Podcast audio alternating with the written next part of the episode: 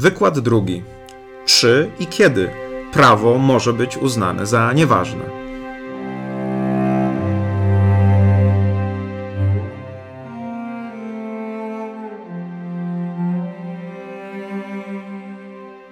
Spotykamy się e, na kolejnym wykładzie, e, który jest poświęcony, który jest poświęcony tezie o rodowodzie prawa. Ten wykład ma na celu y, pokazanie Państwu kilku refleksji na temat tego, w jaki sposób my, jako prawnicy, rozpoznajemy normy prawne i odróżniamy je od innych norm, w jaki sposób my, prawnicy, stwierdzamy, że normy są ważne, to znaczy, że są elementem, że są elementem systemu, systemu prawa. To pytanie, czy dana norma, czy egzemplarz normy, z którym my się spotykamy, czyli na przykład przystępujemy do stosowania prawa jako sędziowie, czy jako urzędnicy, e, i oto zastanawiamy się, czy pewna norma obowiązuje, czy nie obowiązuje, w jakim kształcie obowiązuje, czy mamy obowiązek jej zastosowania, czy też nie. To jest rozważanie, które towarzyszy filozofii prawa od, od dawna e, i próbuje filozofia prawa na różne sposoby, i to też jest cecha tego wykładu, na różne sposoby przeprowadzać takie właśnie pewnego rodzaju testy pochodzenia czy testy rodowodu konkretnej normy. Czyli zadaje sobie, ma jakby różne metody, w zależności od swojego punktu wyjścia i od metodologii, ma różne metody decydowania, czy dana norma jest elementem systemu prawa i powinna w związku z tym być stosowana, czy też elementem tego systemu prawa nie jest. Jak Państwo pamiętają, na ostatnim wykładzie ja mówiłem o tym, że są różne punkty wyjścia poszczególnych koncepcji filozoficzno-prawnych. Bóg i natura dla koncepcji prawno-naturalnej, e, człowiek suweren dla twardego pozytywizmu, człowiek, wspólnota i praktyka dla takiego miękkiego, wyrafinowanego pozytywizmu. Podobnie dzisiaj będziemy, wrócimy do tych różnych podejść, w szczególności oczywiście do wielkiego sporu między koncepcją prawno-naturalną i koncepcją pozytywistyczną w różnych odmianach. I zadamy sobie jednak inne trochę pytanie. W jaki sposób one próbują ocenić, czy norma jest ważna? Jednym z podstawowych, podstawowych kwestii, które tutaj będziemy rozważać, jest to, czy w tej ocenie w ogóle jakąkolwiek rolę odgrywa moralność. To znaczy, czy jeżeli ja mam przed sobą normę, to ja w ogóle mogę podjąć jakiekolwiek refleksje moralne dotyczące tego, czy ta norma powinna zostać zastosowana, czy nie. Czyli czy ten test, czy te kryteria tego testu to są wyłącznie kryteria o charakterze pozytywistycznym, to od kogo pochodzi norma, e, ewentualnie czy jest zgodna z jakimiś innymi normami systemu, czy też to podejście ma w sobie pewne elementy moralne. Dlaczego to jest takie ważne? Jest to ważne dlatego, że we współczesnym społeczeństwie istnieje cała masa rozmaitych reguł. Reguł, które e, pochodzą z różnych źródeł. To są reguły Mm, takie czysto społeczne, to są reguły natury moralnej, to są reguły natury religijnej. I oczywiście być może nam we współczesnym społeczeństwie odróżnienie norm prawnych od norm religijnych nie sprawia e, kłopotu, chociaż okazuje się, że niektórym może sprawiać. E, to historycznie pewnie było to jeszcze trudniejsze. Mianowicie E, kiedy nie było jeszcze tak łatwych do rozpoznawania testów, jakie mamy teraz, kiedy ludzie żyli w małych społeczeństwach i w związku z tym mieli problem związany mm, z, mm, znaczy nie mieli bardzo rozbudowanych instytucji y, prawodawczych, to wtedy różnica między regułą społeczną, regułą moralną, czy regułą wręcz etykiety, dobrego wychowania, regułą prawną mogła w ogóle być minimalna. Mówi się o tym, w szczególności mm, w takich przypadkach, kiedy, kiedy myśli się na przykład o małych wspólnotach, gdzie e, jednolitość e, moralna, jednolitość aksjologiczna była bardzo duża. Tam rozpoznawanie różnic pomiędzy regułami nie było łatwe, ale też nie było tak naprawdę potrzebne. Ludzie mogli się stosować do reguł natury moralnej tak, jakby były regułami natury prawnej i odwrotnie. Współcześnie w, globie, w dobie globalizacji to jest o wiele trudniejsze. My chcemy wiedzieć, która norma ma y, rodowód moralny, a która ma rodowód y, pozytywistyczny, bo mamy prawo powiedzieć, to nie jest moja moralność i ja do tej reguły stosować się nie chcę, a wobec prawa tak powiedzieć nie możemy, no bo prawo jednak ustanawia regułę, która y, nas obowiązuje bez względu na moralność. Stąd pytanie o rodowód prawa, o pochodzenie reguł jest bardzo ciekawym pytaniem, które filozofia prawa sobie, sobie zadaje.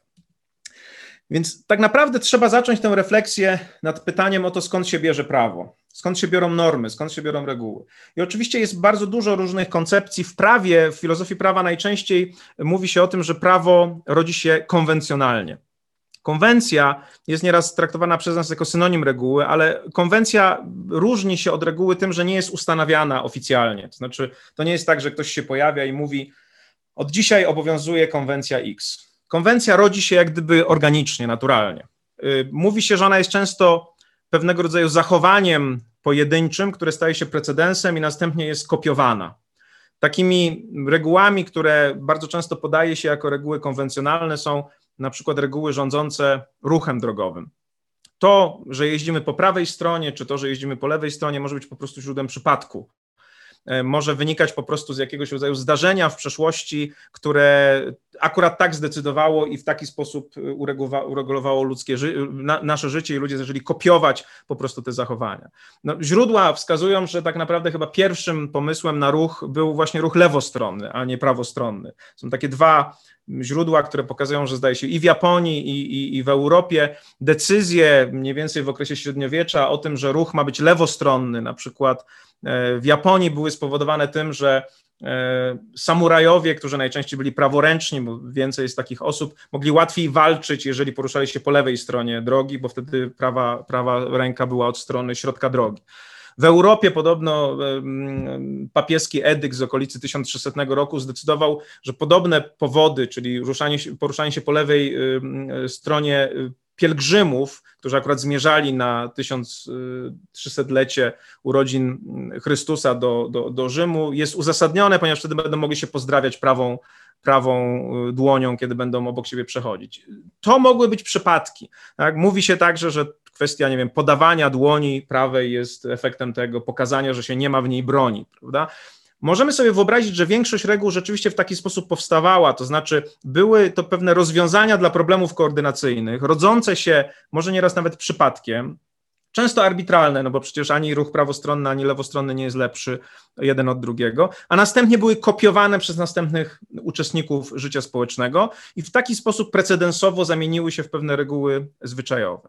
Obecnie oczywiście my mamy do czynienia już raczej z regułami e, takimi, które są ustanawiane, ale i tak mamy mamy ten problem dotyczący relacji pomiędzy regułami. No, wiemy o tym, że w niektórych gałęziach prawa kwestia związana z tym, czy ja stosuję tylko reguły prawne, czy też stosuję reguły spoza systemu, jest bardzo istotna. Mamy do czynienia przecież z takimi obszarami prawa, gdzie wręcz mamy odesłania pozasystemowe nie wiem, do dobrych obyczajów, y, do zasad współżycia społecznego, gdzie ewidentnie wymaga to od nas identyfikacji, identyfikacji reguł. Więc ponieważ prawo rodzi się organicznie, często właśnie na podstawie reguł konwencjonalnych, i rodzi się, oczywiście później w pewnym sensie unowocześnia się i przechodzi w takie w prawo już ustanowione, może powstać wątpliwość, czy konkretna reguła jest elementem systemu prawa i w związku z tym musi być brana pod uwagę i musi być przestrzegana, czy też nie jest elementem, nie jest elementem systemu prawa. I dlatego te, tego, tego rodzaju pytanie dotyczące testu pochodzenia jest stawiane. Ten test pochodzenia, nazywany po angielsku pedigree test, Został, to pytanie o test pochodzenia zostało postawione przez Ronalda Dworkina, którego będziemy czytać i którego będziemy analizować nieco później.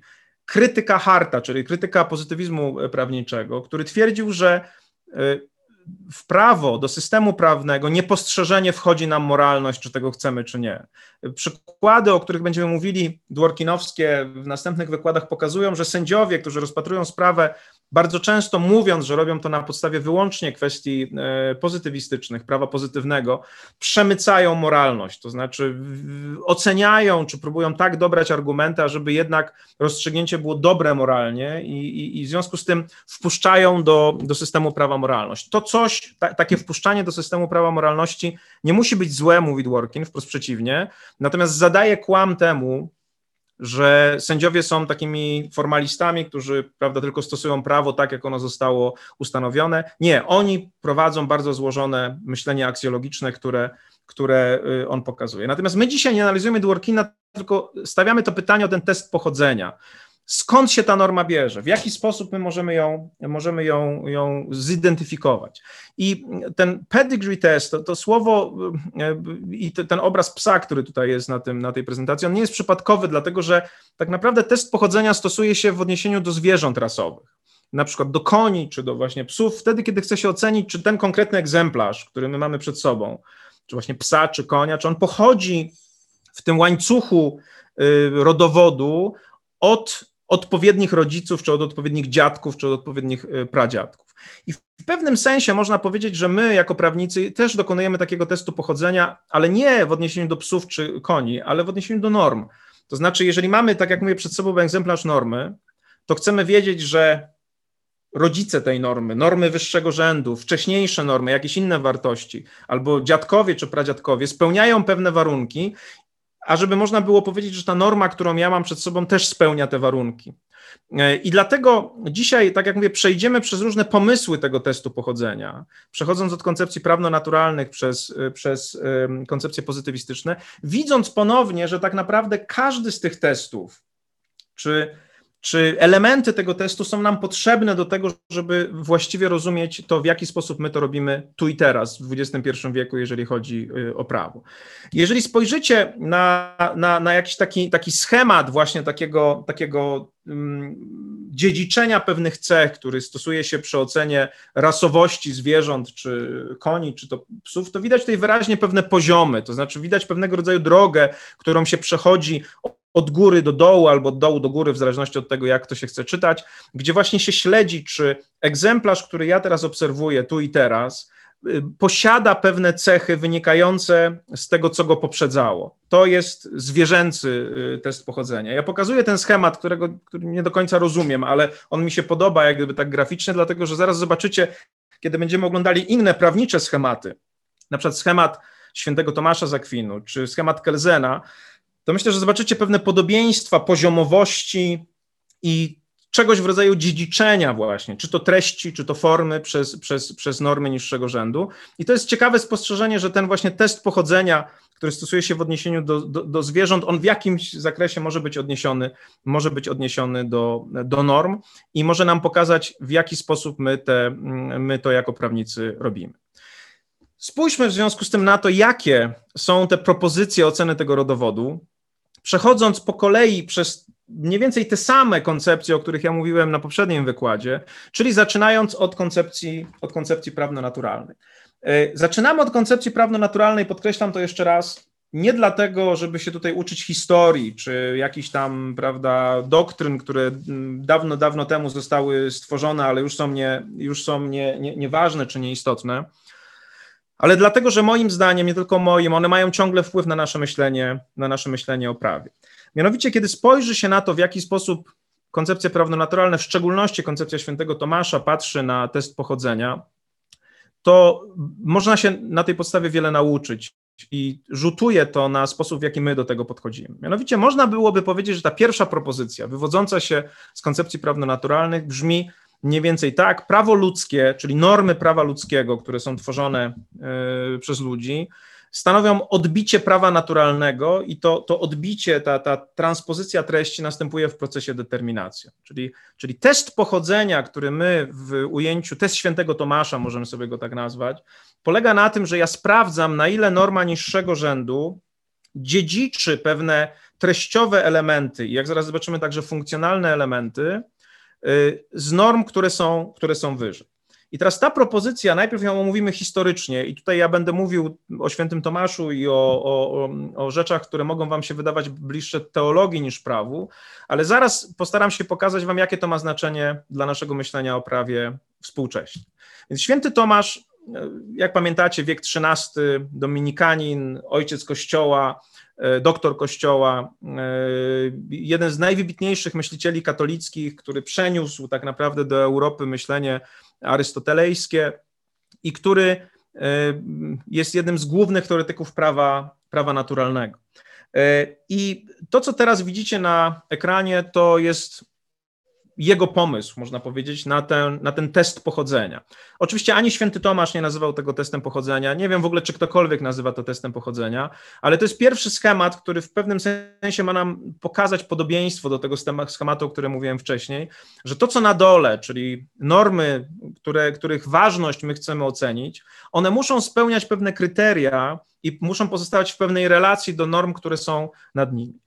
E, bo jeżeli nie spełniają, to nie należą do systemu, bo jeżeli nie spełniają, to nie są rasowymi normami, znaczy takimi, które my powinniśmy stosować. Przejdźmy sobie przez ten schemat od samej góry. Spójrzmy najpierw na ten, na ten, na ten niebieski e, czy błękitny prostokąt, który jest na samej górze. W koncepcji świętego Tomasza na najwyższym poziomie tej hierarchii stoi lex eterna, czyli prawo wieczne. Zgodnie z tym, co mówi święty Tomasz, my nie mamy żadnego dostępu do tego prawa. To jest prawo, które to jest pewien zamysł, który według Tomasza jest w, jest w umyśle Boga dotyczący tego, jak ma funkcjonować świat. Nie musimy dyskutować, czy to jest prawda, czy nieprawda, bo opowiadamy, omawiamy po prostu koncepcję świętego Tomasza. Natomiast co jest istotne, to prawo wieczne, ono na niższym poziomie w pewnym sensie funkcjonuje w takich dwóch wymiarach. Żeby zrozumieć y, łatwiej ten, który nas interesuje, czyli zasady moralności, spójrzmy jednak najpierw na te prawa naukowe. W pewnym święty Tomasz zakłada, że Bóg jako stworzyciel świata ma, miał pewien pomysł dotyczący tego, jak ma funkcjonować natura, jak mają funkcjonować prawa y, natury, czyli prawa rządzące ruchami planet, grawitacja, kwestie związane z relacjami między cząst, cząstkami naturalnymi. I podobnie miał pewien zamysł dotyczący tego, jak ma funkcjonować moralność jako, jako także zbiór pewnych praw, ale już nie dotyczących natury, tylko dotyczących życia ludzkiego i funkcjonowania, funkcjonowania ludzi. I teraz y, my nie mamy w tym sensie dostępu do prawa wiecznego, że my nie jesteśmy w stanie, y, ponieważ według świętego Tomasza nie jesteśmy równi Bogu, no więc nie jesteśmy w stanie zrozumieć tego do końca. Natomiast ponieważ jesteśmy umysł, y, jesteśmy stworzeniami y, myślącymi, nasz umysł jest w stanie w pewnym sensie wyrwać, czy zrozumieć pewne elementy prawa wiecznego, no bo właśnie myślimy, bo mamy rozum. Y, I w, oczywiście w historii ludzie byli w stanie zrozumieć pewne elementy praw rządzących naturą. Newton zrozumiał grawitację, Einstein zrozumiał teorię względności, relacje między przestrzenią i czasem. Czyli z biegiem można powiedzieć, rozwoju naszego myślenia, my coraz więcej wyrywamy w pewnym sensie z tej wiedzy czy, czy z tego prawa wiecznego, coraz więcej rozumiemy. I podobny proces zachodzi w przypadku tych zasad moralności, czyli pewnego rodzaju pewnej, pewnej wiedzy na temat tego, jak postępować. I to, co widzimy na tym zielonym, jeszcze niższym prostokącie, czyli lex naturalis, prawo naturalne, to jest według świętego Tomasza udział racjonalnych stworzeń w tym prawie wiecznym, czyli ten kawałek, ten fragment, ten, ten element, który udało nam się zrozumieć, y, tak jak udało nam się, jak powiedziałem, zrozumieć niektóre prawa, y, które rządzą naturą fizyczną, tak samo udało nam się zrozumieć pewne prawa dotyczące, dotyczące yy, moralności. Teraz na czym to zrozumienie może polegać? No to zrozumienie oczywiście najlepiej, gdyby było całkowicie transparentne, takie intelektualne i ono się nieraz, ono się nieraz yy, udaje. Znaczy my mamy nieraz wiedzę na temat tego, dlaczego pewne zasady dlaczego pewne zasady funkcjonowania yy, na przykład społeczeństwa ludzkiego są lepsze, a nie gorsze. Obecnie na przykład prowadzi się bardzo duże dużą analizę, takie wiele analiz ewolu ewolucyjnych, opartych na analizach bardzo precyzyjnych, bardzo biologicznych, które pokazują, że altruizm,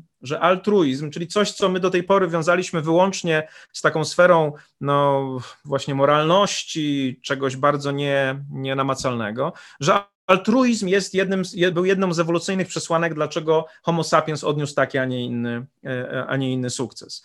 E, jest taka książka e, pod tytułem Blueprint, która pokazuje, że to nie tylko genetycznie my mamy uwarunkowane cechy fizyczne czy, czy, czy biologiczne, czyli że mamy serce, mamy nerki i tak dalej, i tak dalej, ale że nasze przygotowanie do życia społecznego, na przykład potrzeba bliskości z innymi ludźmi, konieczność bycia w grupie, jest także determinowana genetycznie.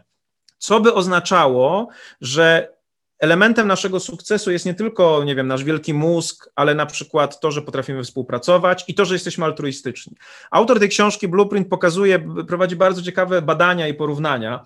na przykład porównuje grupy rozbitków, którzy w podobnych warunkach, po tej samej katastrofie statku i pochodzący z tej, z tej samej grupy społecznej, trafiali na dwie bezludne wyspy, które są niedaleko siebie. Są takie możliwe analizy. I analizuje ich strategię przeżycia. I na przykład pokazuje, że ci, którzy współpracowali i byli, można powiedzieć, dobrzy dla siebie, przeżyli i zostali uratowani. Ci, którzy rywalizowali i nie współpracowali ze sobą, ginęli. To są, rzadko się zdarzają takie możliwości porównania, ale, ale on podaje te, te, te, te sytuacje, udowadniając na różne sposoby, że altruizm jako pewna zasada moralna, pomaganie sobie, bycie miłym wobec siebie, wspieranie się w trudnych sytuacjach nie jest po prostu luksusem, który niektórzy sobie stosują, tylko jest warunkiem w pewnym sensie e, przeżycia. Co do innych zasad moralnych, yy, znaczy co do altruizmu, pewnie dopiero teraz wiemy, że on ma charakter taki właśnie yy, biologiczny w pewnym sensie, ale jest wiele innych takich, takich zasad. My nieraz nimi trochę pogardzamy, tak mi się wydaje. Znaczy pewne tradycyjne zasady, które gdzieś tam się wykształciły, są dla nas jako dla ludzi nowoczesnych i takich, którzy często chcą się buntować, nie do przyjęcia. Natomiast prawnik powinien mieć szacunek dla tradycji, tak, dla tradycyjnych mm, form funkcjonowania, bo jeżeli prawdą, a wydaje się, że prawdą jest to, co właśnie mówią teoretycy konwencji, to konwencje były przyjmowane dlatego, że miały tak zwaną wartość przeżycia, to znaczy pozwalały nam lepiej, lepiej funkcjonować. Spójrzcie na przykład na takie konwencje, które znowu wydaje się są już e, elementem minionym i pewnie były na pewno nie są przez nas traktowane jako elementy prawa, tylko takiej właśnie moralności czy pewnych norm społecznych. Jak wiecie, pewnie wiecie, że kiedyś zasadą było to, że kiedy chciało, chciano się, kiedy młodzi ludzie chcieli się pobrać, no to y, y, mężczyzna przychodził prosząc o rękę e, rodziców, czy nawet ojca e, swojej przyszłej małżonki. Oczywiście jest to zwyczaj niezwykle seksistowski, który, który właściwie w sposób niegodny zupełnie kobietę traktuje jak czyjąś własność, ale tak było. No i teraz ktoś może powiedzieć, no to był wymysł, to była konwencja, nie wiem, to był efekt patriarchatu i jeszcze, jeszcze nie wiadomo czego, ale zwróć, i, i teraz w pewnym sensie ten, ten w, ogromnej, w, ogromnym, w ogromnej części ten zwyczaj, czyli ta konwencja z, jakby zaginęła, znaczy już, już nie ma, prawda, już, już, już tak, tak nie jest. I teraz dlaczego, dlaczego ona kiedyś na przykład funkcjonowała, a teraz nie funkcjonuje? No jeżeli pomyślicie na, znowu o dawnych społecznościach, niewielkich, które żyją bez opieki zdrowotnej, żyją bez y, ubezpieczeń społecznych, które mogą ratować, y, pomagać ludziom na starość, to właściwie jedyną ochroną w przypadku choroby, w przypadku starości jest rodzina. E, jeżeli żyjecie w społeczności, w której nie są rozwinięte zewnętrzne e, usługi, nikt nie przywozi jedzenia do domu, e, nikt nie, nie można wynająć opiekunki do dziecka, no to funkcjonowanie młodej rodziny z dziećmi jest w pewnym sensie zależne od, od, osób starszych i odwrotnie oczywiście.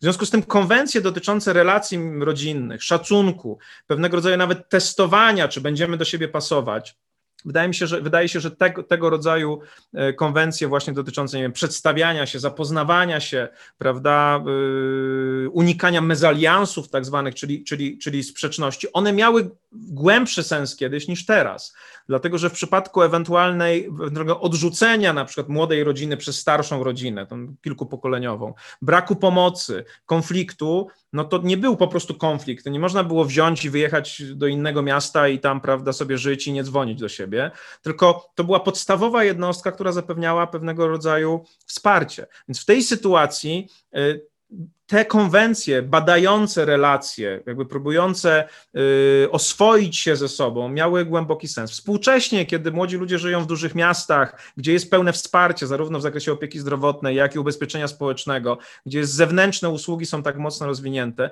to wsparcie rodziny nie jest takie, nie jest takie istotne. Natomiast to pokazuje, że pewne że, że w tradycji i w konwencjach jest pewna mądrość, chociaż my nawet nie musimy jej do końca dostrzec czy rozumieć. I o to chodzi mniej więcej, że my wraz z rozwojem naszego życia, tak jak wyrywamy coraz więcej z wiedzy na temat prawa wiecznego co do praw natury, mm, fizyki, biologii czy chemii, tak samo w zakresie zasad moralności coraz więcej wiemy. I jest jakiś zbiór wiedzy dotyczący tego, w jakimś, dotyczący tego, co nam się udało zrozumieć, który stanowi to prawo naturalne. I teraz dochodzimy wreszcie do, do, do samego dołu tej struktury, czyli do tego, nie interesuje nas ten drugi element, bo to są rozważania natury, których uczą się y, ludzie studiujący teologię, a nie prawo, czyli, czyli lex divina, i, czyli prawo pochodzące z objawienia. Interesuje nas prawo naturalne. Teraz prawo naturalne, czyli to, co zrozumieliśmy z prawa wiecznego, ono stanowi pewnego rodzaju wzorzec dla prawa ludzkiego, czyli dla lex humana. I oczywiście my, myślę, że wy także jesteśmy przyzwyczajeni, że zagadnienia dotyczące prawa e, naturalnego jego relacji do prawa ludzkiego my rozpatrujemy w takich wielkich tematach prawniczych jak aborcja czy eutanazja, ewentualnie w tych, które dotyczą właśnie życia, czy na przykład nie, zapłodnienie in vitro, prawda? To są te zagadnienia, gdzie te kwestie się rozpatruje. Natomiast ja dzisiaj, mimo że okoliczności by może nawet na to wskazywały, mm, żeby zachować ideę i pokazać, jak to działa. Nie, nie będę pokazywał działania tego schematu na, w, w, tych, w tych obszarach, o których przed chwilą powiedziałem. Y, oczywiście jest mnóstwo rozważań na ten temat, pokazujących taką zależność pomiędzy lex humana i lex naturalis. Nie wiem, jak Jan Paweł II w Ewangelium Vitae pisze, że e, podaje przykład tej relacji, przywołując starą opowieść o, o e, faraonie, który nakazał, nakazał za, zabijanie e, dzieci E, chłopców e, żydowskich po to, żeby naród żydowski prawda, nie zdobył zbyt dużej przewagi liczebnej. I kiedy położne żydowskie, jak mówi Pismo Święte, odmówiły podporządkowania się temu prawu, e, mówiąc, że ono ich nie wiąże w sumieniu, no to to jest taka sytuacja, w której faraon reprezentuje władzę ludzką, która wydaje to lex humana, to, to, to, to prawo, prawo ludzkie, Natomiast ci, do których ono jest kierowane, w tym przypadku położne żydowskie, mówią, ono nas nie obowiązuje, ponieważ ono jest nie do pogodzenia z tym wyższym poziomem, czyli z prawem naturalnym. Bo my rozumiemy, że y, nasza wiedza na temat prawa wiecznego, y, to co udało nam się uszcząć z tego prawa wiecznego, to jest wiedza, która wskazuje, że po prostu tego robić nie można. I to jest, taki typowa, to jest taka typowa sytuacja, w której prawo to na poziomie lex humana jest porównywane z prawem, z prawem naturalnym i w przypadku niezgodności pomiędzy nimi odmawia się obowiązywania temu prawu ludzkiemu. I to, to jest ta sytuacja, w której akurat norma prawa ludzkiego, w tym przypadku ten nakaz faraona, odmawia jej się statusu prawa, i powodem, dla którego odmawia się tego statusu, jest to, że ona jest niezgodna z prawem, z prawem naturalnym. Natomiast mówimy o świętym Tomaszu, oczywiście, żeby to wiedzieć, ale mówimy także o tym dlatego, że ta relacja między prawem naturalnym a prawem ludzkim, już na zupełnie takim świeckim poziomie, jest bardzo interesująca jako relacja pomiędzy wartościami wyższego rzędu i ich realizacją na niższym poziomie. I to jest bardzo istotne, że w prawie ta relacja bardzo często zachodzi i ona oczywiście nie jest relacją jakąś związaną z wiarą w Boga czy z objawieniem, tylko po prostu jest normalną relacją, którą my musimy badać. Mianowicie relacja na przykład między konstytucją i ustawą, czy relacja pomiędzy ustawą a rozporządzeniem jest przecież relacją treściową. E, zwłaszcza relacja między konstytucją a ustawą jest taką relacją, że na poziomie konstytucji mamy pewne ogólnie sformułowane wartości i one są jakoś realizowane na poziomie ustawy. I my, szukając zgodności pomiędzy ustawą a konstytucją, musimy mieć jakieś narzędzie, żeby stwierdzić, czy ta realizacja jest właściwa, czy nie. To samo widać w relacji prawa ponadnarodowego w stosunku do prawa narodowego. E, dyrektywy na poziomie prawa unijnego są pewnego rodzaju sformułowaniem pewnych wartości, które są podane do realizacji, a następnie na poziomie prawa krajowego one muszą zostać uszczegółowione i muszą zostać wprowadzone w życie. Więc znowu mamy tutaj pewną relację, która jest oczywiście relacją treściową i relacją funkcjonalną pomiędzy jednymi i drugimi. Okazuje się, że e, e, koncepcja świętego Tomasza w związku z tym może nam pomóc ocenić, na czym tak naprawdę ta relacja, na czym tak naprawdę ta relacja polega, a pewne wątpliwości mogą się, mogą się co do tego pojawić. Ja pamiętam, jak y, w ramach tych zmian dotyczących sądownictwa dosyć zaskakujący się pojawił fragment y, w, w, uzasadnieniu jednej, jednej z ustaw proponowanych przez prezydenta Dudę, mianowicie tej dotyczącej Sądu Najwyższego, i który, który usuwał w stan spoczynku sędziów którzy przekroczyli pewien, pewien, pewien wiek i jednocześnie, y, ponieważ przenosił w stan spoczynku pierwszą prezes Sądu Najwyższego, no to także pozbawiał ją fotela prezesa. No i tam oczywiście powstała wątpliwość zgodności z konstytucją, no bo konstytucja mówi o tym, że prezes pierwszego sądu, pierwszy prezes Sądu Najwyższego ma kadencję sześcioletnią, no i tutaj mamy pewną ingerencję, która przed upływem tych sześciu lat pozbawiała y, panią prezes jej, jej, jej funkcji. I ten, ten zaskakujący mo motyw, który był w tym uzasadnieniu, był następujący. Mianowicie tam projektodawcy napisali mniej więcej tak.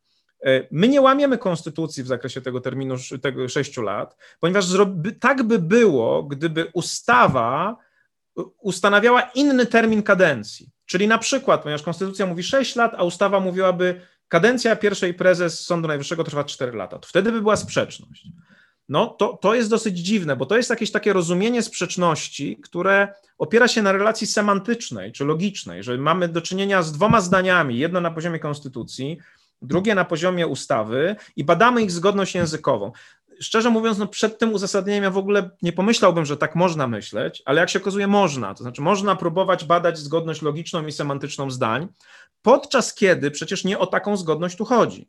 Tu chodzi o to, że konstytucja ustanawia pewną wartość, jaką jest sześcioletnia kadencja, i teraz nie o treść semantyczną ustawy chodzi, tylko o jej skutek, o to, że ona doprowadza do sytuacji, w której konkretna osoba tych sześciu lat na stanowisku pierwszego prezesa nie może zakończyć, bo zostaje wcześniej z niej usunięta.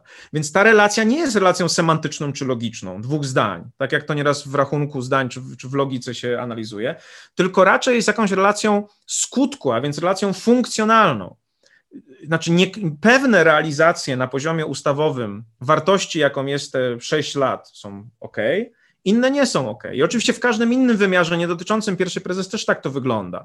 Na przykład mamy artykuł 68 Konstytucji, który mówi, y, każdy ma prawo do ochrony zdrowia. No jest jasne, że ustawy dotyczące np. ustawa o Narodowym Funduszu Zdrowia, czy w ogóle, nie wiem, ustawa refundacyjna, inne ustawy, które dotyczą ochrony zdrowia, są realizacją tej wartości. I znowu sprzeczność ewentualna pomiędzy tymi ustawami a konstytucją nie polega na tym, że one zawierają zdania ze sobą sprzeczne, tylko jest to sprzeczność w zakresie funkcji, w zakresie skutku. Jak tam chyba w 2004 roku y, Trybunał Konstytucyjny analizował zgodność z konstytucją ustawy o NFZ, to, to stwierdził jej niekonstytucyjność nie dlatego, że zawierała zdania sprzeczne z konstytucją, tylko dlatego, jak powiedział, że funkcjonalnie ta ustawa nie jest w stanie zapewnić prawa do ochrony zdrowia ludziom, bo jest źle skonstruowana. I o to mi chodzi, żebyśmy wykorzystali sobie świętego Tomasza właśnie do myślenia o zgodności lub niezgodności treściowej i rozumieli ją jako zgodność lub niezgodność funkcjonalną pomiędzy wyższego rzędu e, regulacjami i niższego rzędu e, regulacjami. I święty Tomasz dla określenia tej relacji, tego jak te wartości wyższego rzędu jakby przepływają, są transmitowane w wartości niższego rzędu, używa terminu determinacjo, który, który najlepiej sobie tłumaczyć, nie można go tłumaczyć jako determinizm, czyli jako to, że nie mamy wolnej woli, to jest błędne tłumaczenie. Słowo determinacjo, najbardziej jego znaczenie oddaje angielskie słowo to determine, e, czyli zdeterminować w rozumieniu dookreślić, uszczegółowić, yy, yy, tak, dookreślić i uszczegółowić. Wydaje się, że tak byłoby, tak byłoby najlepiej. I teraz wykorzystuję tutaj ten może zaskakujący slajd pokazujący różne drzwi, różnego rodzaju drzwi, żeby, bo, bo ten przykład, zresztą jest przykład, którego święty Tomasz używa, on jest dosyć, dosyć, dosyć dobry. Mianowicie to, co widzicie tutaj, są egzemplarze drzwi. To trochę tak, jakbyście widzieli różne egzemplarze norm, albo różne egzemplarze psów, albo koni, czyli różne tak zwane tokeny, czyli, czyli, czyli konkretne egzemplarze. I one są realizacją czegoś, co jest prawdopodobnie wspólne dla nich, albo są, y, są, są częścią, są, są realizacją jakiejś formy, która, y, która jest, dla nich, jest dla nich y, wspólna. I tak jak poszczególne tokeny drzwi są realizacją jakiego, jakiejś, jakiejś formy drzwi w konkretnym, w konkretnym wykonaniu fizycznym i żeby były tymi drzwiami, to muszą spełniać pewne kryteria, w szczególności muszą spełniać pewną funkcję. Tak samo możemy powiedzieć, że normy, które są realizacją e, czegoś, co jest wyżej, one, mu, one wtedy są właściwą realizacją, wtedy, kiedy kiedy pełnią tę samą funkcję, którą, którą pełnią te elementy wyżej postawione. Czyli jeżeli na poziomie konstytucji mówimy o tym, że y, każdy ma prawo do ochrony zdrowia i tam ta wartość ma realizować pewną funkcję, jaką jest ochrona zdrowia, no to my oceniamy zgodność tych niższego rzędu norm, które są realizacją tej wartości, jaką jest ochrona zdrowia, jak mówię, nie semantycznie, nie logicznie, tylko z punktu widzenia funkcji, która jest spełniona. I wiemy oczywiście, że na przykład realizacja, że przepisy ograniczające spożywanie tytoniu czy spożywanie alkoholu są realizacją tych, tych, tych wartości wyższego rzędu. Y, możemy się spierać co do tego i spieramy się obecnie co do tego, czy regulacje dotyczące aborcji są realizacją na przykład wyższego wyższego prawa do ochrony życia, czy też nie. Czy wprost przeciwnie, na przykład są złą realizacją prawa do prywatności. E, te, te dyskusje są ciągle prowadzone. Natomiast chodzi, chodzi tutaj w tych dyskusjach o to, czy wartość ogólniejsza jest właściwie zrealizowana na poziomie, na poziomie niższym. Nie ma jednej realizacji. Jak widzicie na tym slajdzie, są różne realizacje i właściwie każda z nich jest akceptowalna. Są oczywiście przypadki skrajne, tak jak możemy zastanowić się, czy to, co teraz widzicie, te wielkie drzwi są jeszcze drzwiami, czy może czymś innym. Albo czy to, czyli te bardzo malutkie drzwi, które są pewnie drzwiami do, do jakiegoś mm, domku dla lalek, czy one są drzwiami, czyli czy tutaj pewna granica realizacji nie została już y, przekroczona. Tak samo w przypadku norm możecie zadawać sobie takie pytanie, czy one właściwie te treściowe y, warunki wyższego rzędu realizują w sposób właściwy. Więc to, co chcę podkreślić, to to, że podstawą tutaj jest kwestia funkcji, to znaczy, czy funkcja zadana na poziomie wyższym jest realizowana na poziomie, na poziomie niższym. To myślenie funkcjonalne jest niezwykle istotne. Niestety my o nim trochę zapominamy.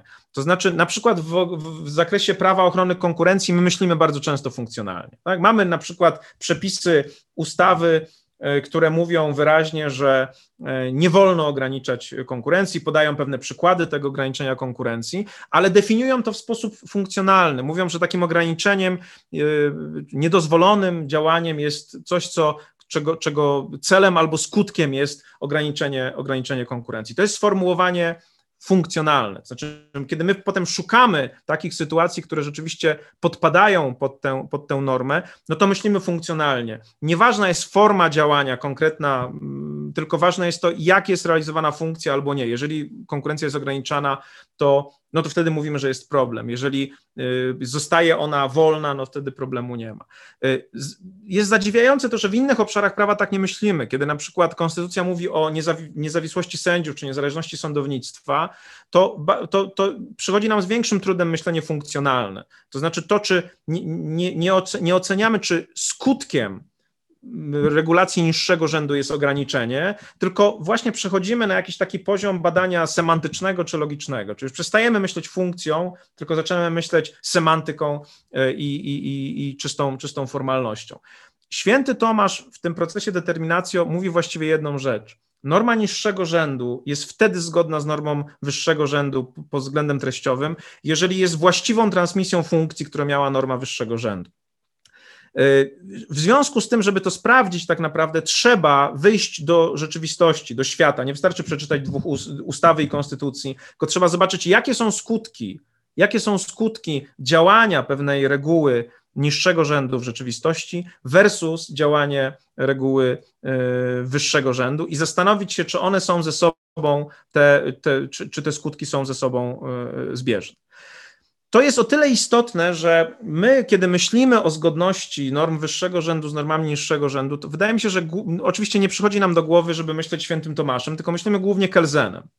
I ta druga propozycja, którą ja chcę zestawić z myśleniem świętego Tomasza i która nam się ułoży, mam nadzieję, w jakiś taki porządek, to jest właśnie propozycja kelzenowska. E, Kelzen był pozytywistą, w tym sensie, że nie uznawał że elementem systemu prawa jest moralność, albo że prawo musi być zgodne z, jakąś, z jakimiś zasadami wyższego rzędu. Tylko jak wiecie, jest twórcą tej koncepcji normy podstawowej jako podstawie hierarchii prawa i to po pierwsze ta norma podstawowa oraz hierarchia systemu prawa pozwala mu w jakiś sposób ocenić, czy te normy, z którymi my się spotykamy, mają właściwe pochodzenie. Więc znowu mamy pewną, pewien, pewien schemat pochodzenia, testu pochodzenia, zupełnie inny.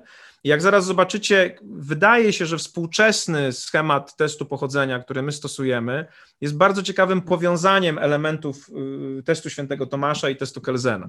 Zobaczmy, na czym polega test Kelzena. Kelsen, jak wiecie, był austriackim prawnikiem, nazywa się go ojcem konstytucjonalizmu, twórcą koncepcji sądów konstytucyjnych i właśnie tego pomysłu na hierarchię prawa. Było autorem wielu prac, jedną z najbardziej znanych prac jest czysta teoria prawa. Ta czystość tej teorii wynika z tego, że Kelsen był zainteresowany E, oddzieleniem prawa od innych obszarów e, normatywnych, w szczególności od polityki, od moralności właśnie, od innego rodzaju, od innego rodzaju zagadnień, które bardziej lokował w kategorii faktum, od psychologii także. Więc ta czystość teorii prawa miała polegać na tym, że chciał sobie wyobrazić system prawa, który jest właśnie systemem prawa, czystego prawa, które, które jest możliwe do zdefiniowania bez od, y, w pewnym sensie bez E, referencji do innych obszarów, takich właśnie jak e, polityka, takich jak moralność. Więc znowu mamy tutaj ewidentny model oddzielenia prawa od innych, innych schematów moralnych. No i piramida kelzenowska jest czymś, z, z czym każdy prawnik jest oczywiście zapoznany. Ona tutaj w tym moim wykładzie znowu stanowi pewnego rodzaju schemat, tak jak ten schemat pedigree test na samym początku dotyczący psów i kotów, tak jak schemat świętego Tomasza, tak samo piramida Kelzena jest pewnego rodzaju schematem. Jest ją najłatwiej analizować od dołu, oczywiście, gdzie mamy te egzemplarze norm, te najbardziej indywidualne i konkretne normy, czyli na przykład normy w formie mandatów, w formie decyzji administracyjnych, decyzji podatkowych. I idea oczywiście kelzenowskiej piramidy polega na tym, że my możemy zadać sobie pytanie, jakie jest pochodzenie tej normy, która jest na samym dole systemu. Tak, skąd się bierze mandat za, za nienoszenie maseczki? Prawda? No bierze się stąd, że jest rozporządzenie, które nakazuje noszenie maseczek. No a skąd się bierze rozporządzenie, które nakazuje noszenie maseczek? No bierze się z ustawy, yy, która reguluje kwestie postępowania w sytuacjach zagrożeń epidemiologicznych. A skąd się bierze ustawa? Bierze się z konstytucji. No i tutaj następuje najtrudniejsze helezenowskie pytanie, skąd się bierze konstytucja?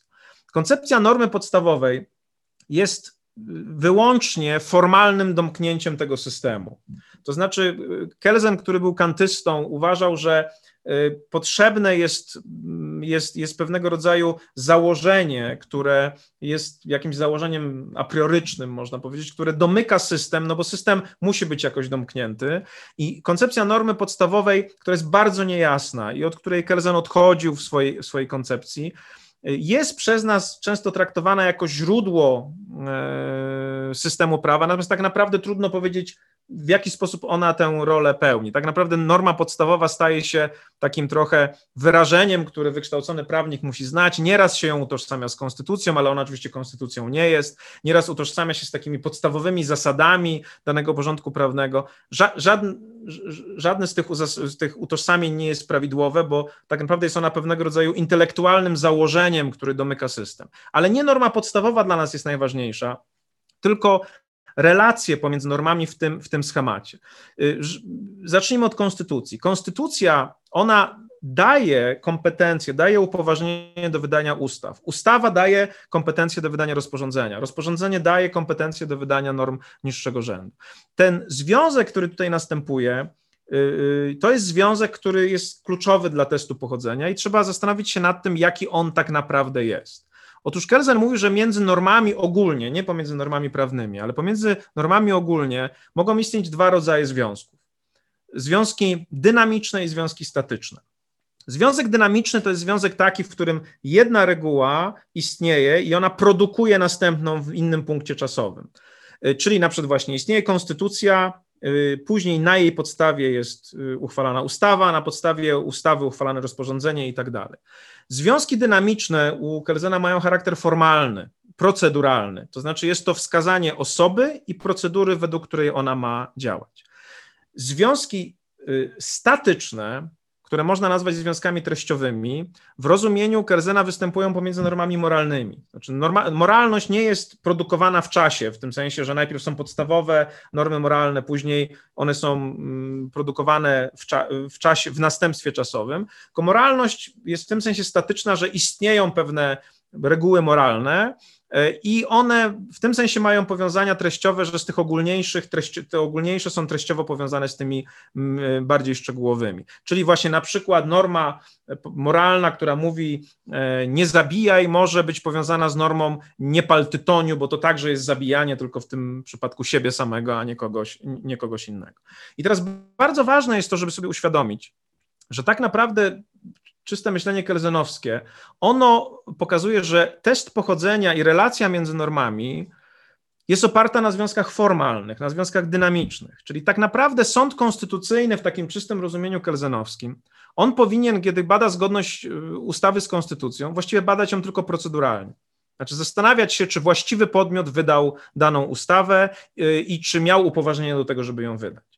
Jak wiemy, oczywiście każdy sąd konstytucyjny bada procedurę i bada relację formalną, ale można powiedzieć, serce badania zgodności polega na badaniu zgodności treściowej a nie proceduralnej. Tak? No, bo, no bo prawdopodobnie przy obecnym stanie mm, parlamentaryzmu, gdzie to wszystko jest w miarę usprawnione, rzadko zdarzają się takie sytuacje, żeby ustawa była niekonstytucyjna ze względów proceduralnych, chociaż też się zdarzają. Na przykład ustawa medialna, zdaje się, została w roku 2016 uznana za niezgodną z konstytucją ze względu na naruszenie procedury.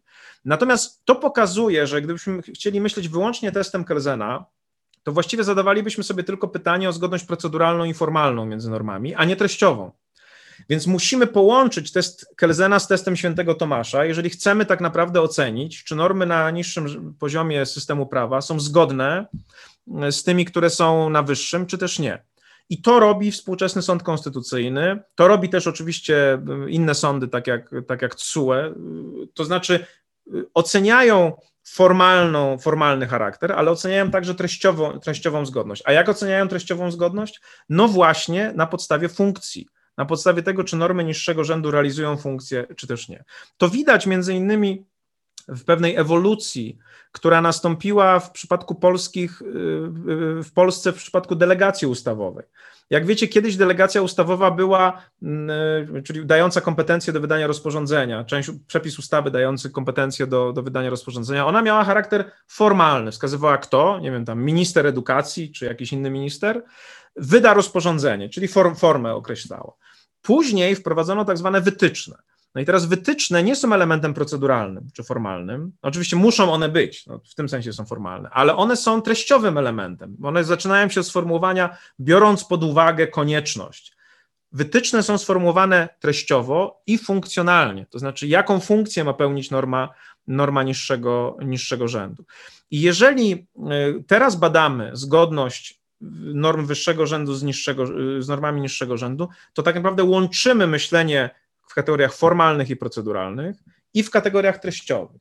I tak jak mówię, ciekawe jest to, że akurat w aspektach treściowych więcej daje nam, można powiedzieć, święty Tomasz i jego myślenie w kategoriach determinacjo, niż Kelsen i jego myślenie o, o, o, tych związkach czysto e, formalnych czy, e, czy czysto, e, czysto proceduralnych. Musimy w pewnym sensie dokonać połączenia tych dwóch obszarów i musimy uznać, i dopiero wtedy możemy uznać, że, te, że, że, że, że mamy narzędzie, którym możemy badać związek e, pomiędzy normami wyższego rzędu i normami niższego rzędu, i wtedy mamy narzędzie, które nam pozwala dopiero stwierdzić, przeprowadzić ten test pochodzenia, czy norma, którą mam przed sobą, czy norma, którą chcę zastosować, jest normą, e, która jest tą rasową normą, zasługującą na to, żeby być elementem systemu.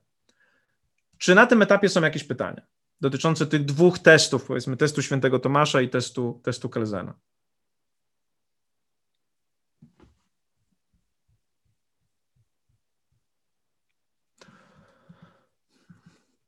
Ok, to przejdźmy w takim razie do trzeciej propozycji. Trzecia propozycja jest propozycją nieprawnonaturalną, nienormatywistyczną, czyli nie kelzenowską, ale koncepcją y, twardego pozytywizmu. Według tej koncepcji, tak naprawdę jedynym testem pochodzenia jest to, czy norma prawna, którą mam przed sobą, była objęta wolą suwerena.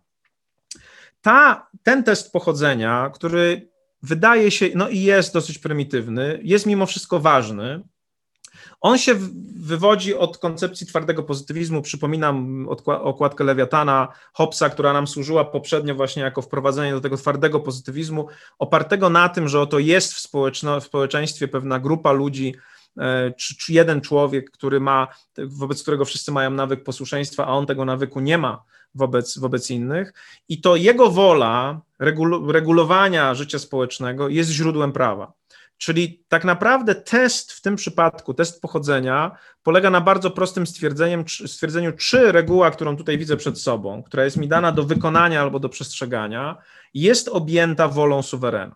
Jest objęta wolą suwerena. To myślenie wywodzi się od Johna Austina, którego, o którym wspomnieliśmy ostatnio, czyli tego głównego teoretyka twardego pozytywizmu, który w swoich pracach definiuje ten, ten, ten, ten twardy pozytywizm y, znowu w kategoriach właśnie pochodzenia, to znaczy mówi o tym, że każde prawo pozytywne, tak, albo w ogóle prawo, które można nazywać prawem, y, jest ustanowione przez, przez suwerena, y, w, w, społeczeństwie, w którym ten ktoś albo grupa ludzi, którzy, którzy tworzą tego suwerena, jest, ma, ma status najwyższy, czyli jest, ma, ma, pewnego rodzaju, pełni pewną funkcję właśnie czy to przywódcy, czy kogoś, kto jest, kto jest kto jest tak naprawdę ponad prawem. To też jest bardzo, bardzo istotna kwestia.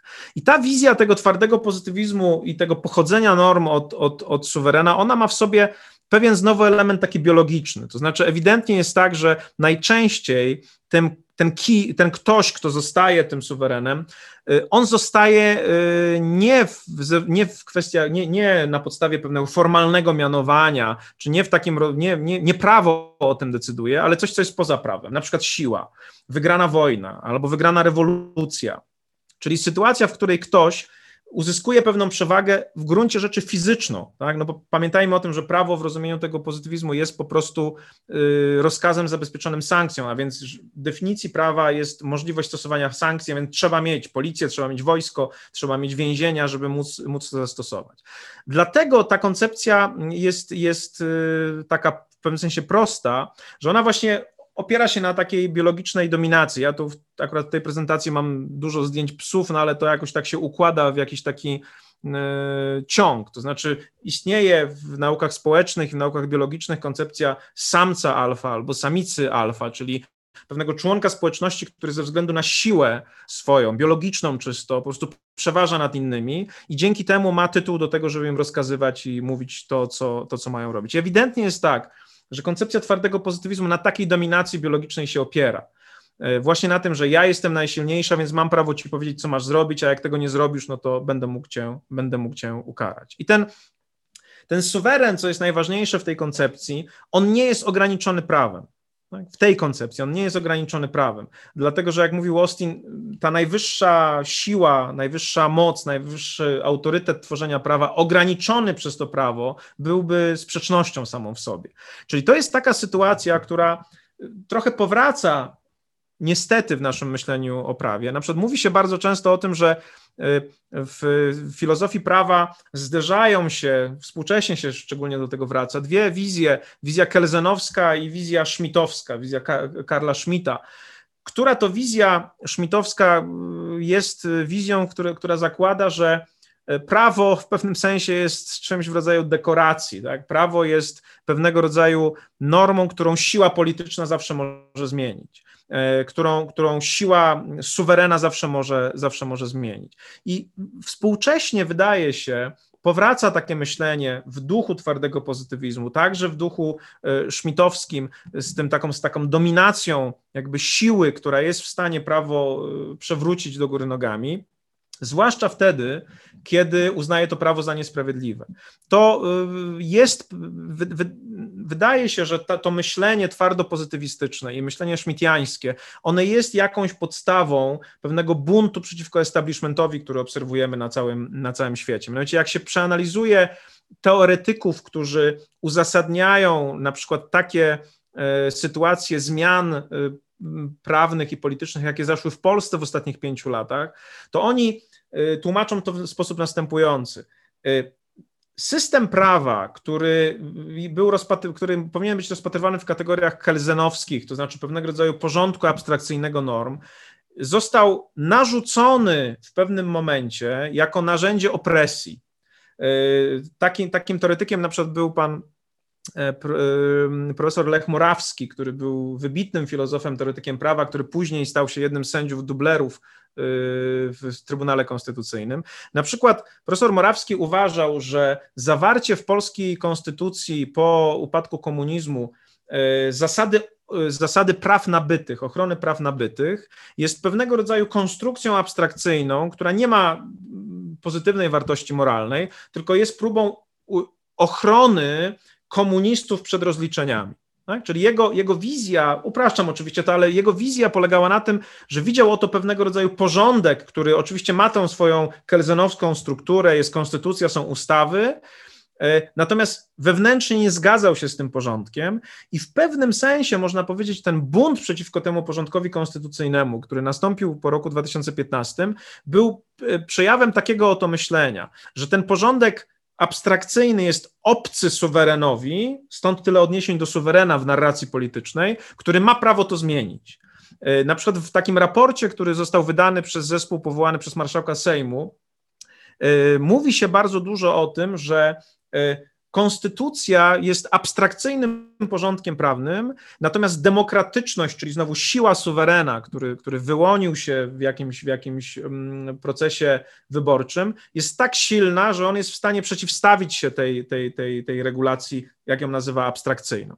To oczywiście jest nieprawda, bo przecież ta regulacja nie została narzucona przez kogoś, tylko też przez suwerena została ustanowiona, w większym nawet wysiłku demokratycznym, bo żeby uchwalić konstytucję, trzeba mieć większe poparcie, więc to jest fałszywa argumentacja. Natomiast mówię o niej tylko po to, żeby pokazać, że to myślenie wraca. To znaczy, wraca takie myślenie, że oto suweren, rozumiany jako siła polityczna, ma prawo przemeblować państwo i ma prawo zlikwidować pewien porządek prawny i zastąpić go innym, i że legitymacja tego nowego porządku nie bierze się z tego, że on jest zgodny z jakąś moralnością, że legitymacja tego porządku nie bierze się z tego, że on jest zgodny z jakimiś normami wyższego rzędu, tylko dlatego, że jest wolą tych, którzy rządzą.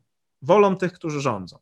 W pewnym sensie można też powiedzieć, że ta wizja twardego pozytywizmu i to, że wola prawodawcy jest wystarczającym czynnikiem legitymizującym prawo, jest widoczna w domniemaniu konstytucyjności.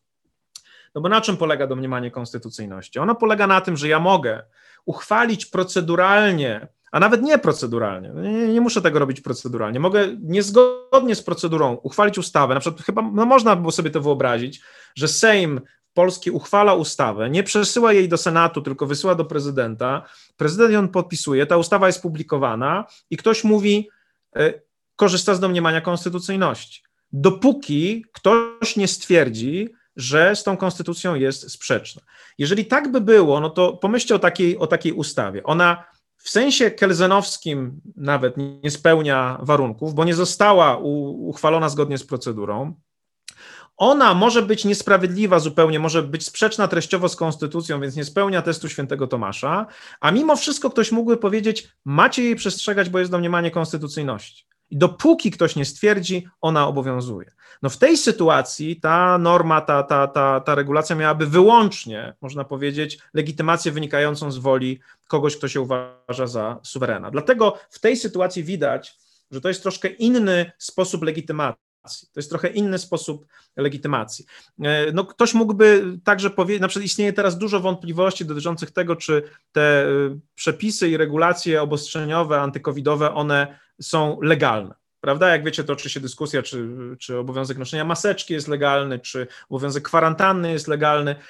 Znowu, nie chodzi mi o rozstrzyganie tego tu i teraz, ale pokazanie pewnego schematu, że w sytuacji pandemii, zagrożenia, znowu zagrożenia biologicznego, takie myślenie, że y, premier y, swoją decyzją, premier, który tutaj reprezentuje władzę, jest w stanie y, dać pewne rozwiązanie, pewne, narzucić pewne rozwiązanie, narzucić normę, i my tak naprawdę już zaczynamy myśleć, że zgodność tej normy z konstytucją i w rozumieniu kelzenowskim, i w rozumieniu testu świętego Tomasza jest drugorzędna, bo to jest wola kogoś, za kim stoi siła, no i my tak naprawdę zaczniemy to przestrzegać, no bo będziemy się bali tej siły. Tak? To, to jest myślenie, to jest myślenie e, twardego pozytywizmu i to, to ono także jest elementem naszego myślenia o prawie. Bo zwróćcie uwagę na to, że tak naprawdę idealne obowiązywanie w pewnym sensie prawa to byłoby takie, w którym te wszystkie trzy testy zostałyby spełnione. Tak? Czyli zarówno y, test, y, powiedzmy, Ostina, chociaż ja go ostatnio nazwałem testem marszałka Terleckiego,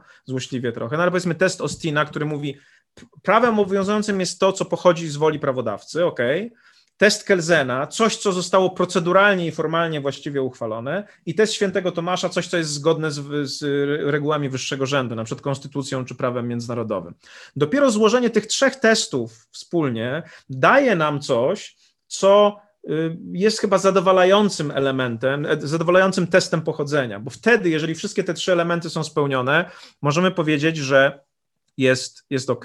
Bo zwróćcie uwagę, że ja dawałem przykłady spełnienia testu Ostinowskiego i niespełnienia Kelzenowskiego i niespełnienia świętego, testu świętego Tomasza, ale są tacy, którzy na przykład uważają, że mm, no na przykład orzeczenie CUE pewnie spełnia test kelzenowski, no bo na podstawie e, nie wiem, traktatów na przykład, czyli norm wyższego rzędu uzasadnia e, wydanie przez CUE danego wyroku. Być może nawet uważają, że orzeczenie CUE spełnia test e, świętego Tomasza w tym znaczeniu, że jest zgodne treściowo z tymi regułami wyższego rzędu, ale mogą uważać, że jest naruszeniem suwerenności. Tak? Czyli wtedy mówią, że nie spełnia testu e, Ostinowskiego. I bardzo ciekawe jest myślenie o tych wszystkich sytuacjach właśnie w kategoriach tych trzech testów, bo one, jak powiedziałem, się nakładają. Idealnie jest, kiedy wszystkie są trzy spełnione. W zależności od, od stanowiska filozoficzno-prawnego i także politycznego, Często jest tak, że e, jeden jest wysuwany na, na plan pierwszy, e, albo drugi jest wysuwany na plan pierwszy. E, nieraz się skupiamy na kwestiach formalno-proceduralnych, nieraz na kwestiach treściowych, nieraz na kwestiach zgodności z wolą, z wolą suwerena. Na przykład sędziowie, którzy zaczynają stosować prawo w jakiś sposób, mogą zostać oskarżeni o to, że dają pierwszeństwo któremuś z tych testów. Przykład, który chyba jest dobry do analizy tej sytuacji, to jest przykład reprywatyzacji. Problem reprywatyzacji, który jest, był przez nasze społeczeństwo i słusznie postrzegany jako porażka prawa, no bo doprowadzał do, do bardzo często do skrajnej niesprawiedliwości. On wynikał chyba, można by było sobie powiedzieć, z tego, że sędziowie, którzy działali, ja oczywiście pomijam w tym momencie sytuacje przestępcze, mam nadzieję, że one nie miały miejsca, nie jakieś przekupstwa i tak dalej, ale Zwróćcie uwagę, że regulacje, znaczy tak, prawne podejście do kwestii reprywatyzacji jest dosyć nieszczęśliwe w pewnym sensie, bo mamy do czynienia z, dwiema, z dwoma obszarami prawa, w których jest potrzebna decyzja. To znaczy z prawem administracyjnym, gdzie trzeba oceniać decyzje dotyczące tego, co się tam działo kiedyś w zakresie, w zakresie odbierania tych, tych, tych, tych nieruchomości. Czyli mamy obszar prawa, prawa administracyjnego, decyzji administracyjnych, oceny ich ważności, a następnie obszar prawa cywilnego, własności, yy, praw do, do, do lokali i tak dalej. I teraz jest niestety tak, że w sprawie reprywatyzacji te decyzje są podejmowane przez odrębne sądy, przez sądy administracyjne i sądy powszechne, które nie współpracują ze sobą i każdy ma y, tendencję do tego, żeby sprawę rozpatrywać wąsko w kategoriach właśnie formalnych. Dlatego, że sąd administracyjny nie myśli o skutkach dla ludzi, no bo w ogóle ocenia tylko jak abstrakcyjnie w pewnym sensie decyzję administracyjną sprzed iluś lat.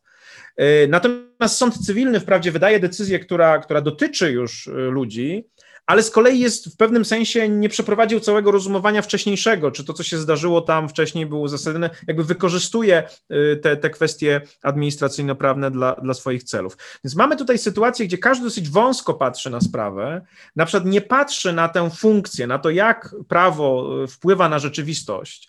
Y, to jest takie, no są oczywiście klapki formalistyczne na oczach, które sędziowie często mają.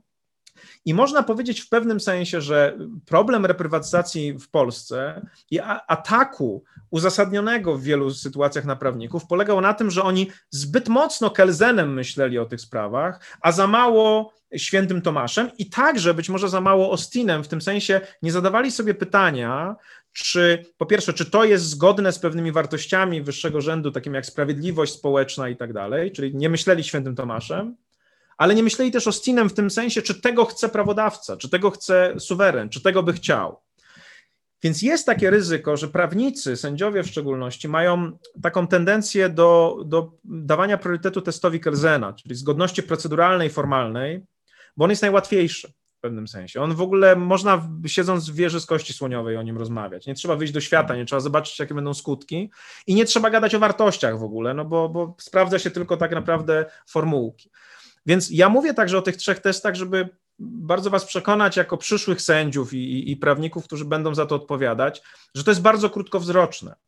Tak samo, y, dlatego że, że jeżeli będziemy wydawać decyzje, które są formalnie poprawne, czyli kreować normy, które poprawnie spełniają test Kelzena, formalnie, proceduralnie wynikają z norm wyższego rzędu, ale nie będziemy zadawać pytania o, o zgodność treściową i funkcjonalną, czyli o ten test świętego Tomasza, i nie będziemy zadawać pytania o to, czy to jest zgodne z wolą suwerena, to prędzej czy później to do nas wróci. Bo albo ludzie doświadczą takiej niesprawiedliwości aksjologicznej, albo uznają, że politycznie coś jest nie tak, bo przecież to, to, to nie sędziowie powinni decydować o tym, jakie są skutki prawa, tylko, tylko to, to, to suweren demokratycznie powinien o tym, o tym decydować. Więc to, to jest dla mnie ważne, żebyście myśleli o tych, o tych kwestiach i nie dawali, nie, nie dawali priorytetu temu kelzenowskiemu e, testowi. Oczywiście Podobne ryzyka płyną z tego, jak będziecie dawali yy, priorytet innym testom nad pozostałymi. No, można w pewnym sensie już powiedziałem o tym, że to, co się w Polsce dzieje w ostatnich pięciu latach, jest daniem priorytetu testowi Ostina, który mówi: nieważne, czy zgodne z procedurą,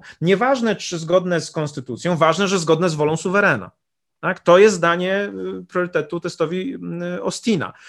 Z kolei można sobie taką sytuację wyobrazić, w której ktoś daje e, priorytet testowi świętego Tomasza i mówi, nieważne czy zgodne z wolą suwerena, czy większość popiera jakieś rozwiązanie moralne, nieważne czy zgodne z konstytucją, e, e, czy zgodne formalnie, ważne, żeby realizowało pewne wartości. Tak? A to, czy te wartości rzeczywiście, które są realizowane, są wzięte z konstytucji, czy nie, no to, to już jest drugorzędne. No, mówiłem, że nie chcę może mieszać wykładu do tego, co się dzieje, ale w pewnym sensie można powiedzieć, że rozstrzygnięcie dotyczące aborcji no jest taką sytuacją, w której ktoś pomyślał sobie, że realizacja pewnej wartości, jaką jest ochrona dziecka nienarodzonego, jest tak ważna, że w pewnym sensie można za, nie zadawać sobie pytania, czy ono jest, czy, czy ta wartość jest zgodna z wolą suwerena, i czy ona jest zgodna, czy ona rzeczywiście w takim kształcie jest zawarta w, w, w naszym, w, w, konstytucji, czy ona formalnie można ją,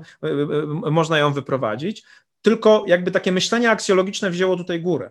Tak? Bez myślenia o, o, tych, o tych pozostałych. I na przykład protesty, które widzimy, które się coraz bardziej rozszerzają, moim zdaniem w pewnym wymiarze one są sygnałem, że coś, co przez jakąś grupę zostało uznane za aksjologicznie warte promowania, przez suwerena, który właśnie teraz jest na ulicach, nie są za to uznawane. Oczywiście y, ktoś może powiedzieć, może jest odwrotnie, może, może więcej ludzi chce, demokracja nie polega na plebiscycie.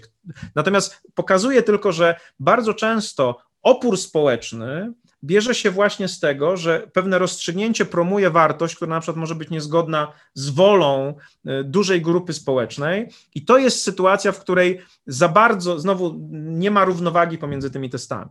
Tak dlatego jeszcze raz podkreślam, warto myśleć o tym, ażeby wszystkie te testy, ażeby wszystkie te testy były jednocześnie, e, żeby były jednocześnie realizowane, bo wtedy mamy, mamy do czynienia z pewnego rodzaju z pewnego rodzaju mm, e, balansem.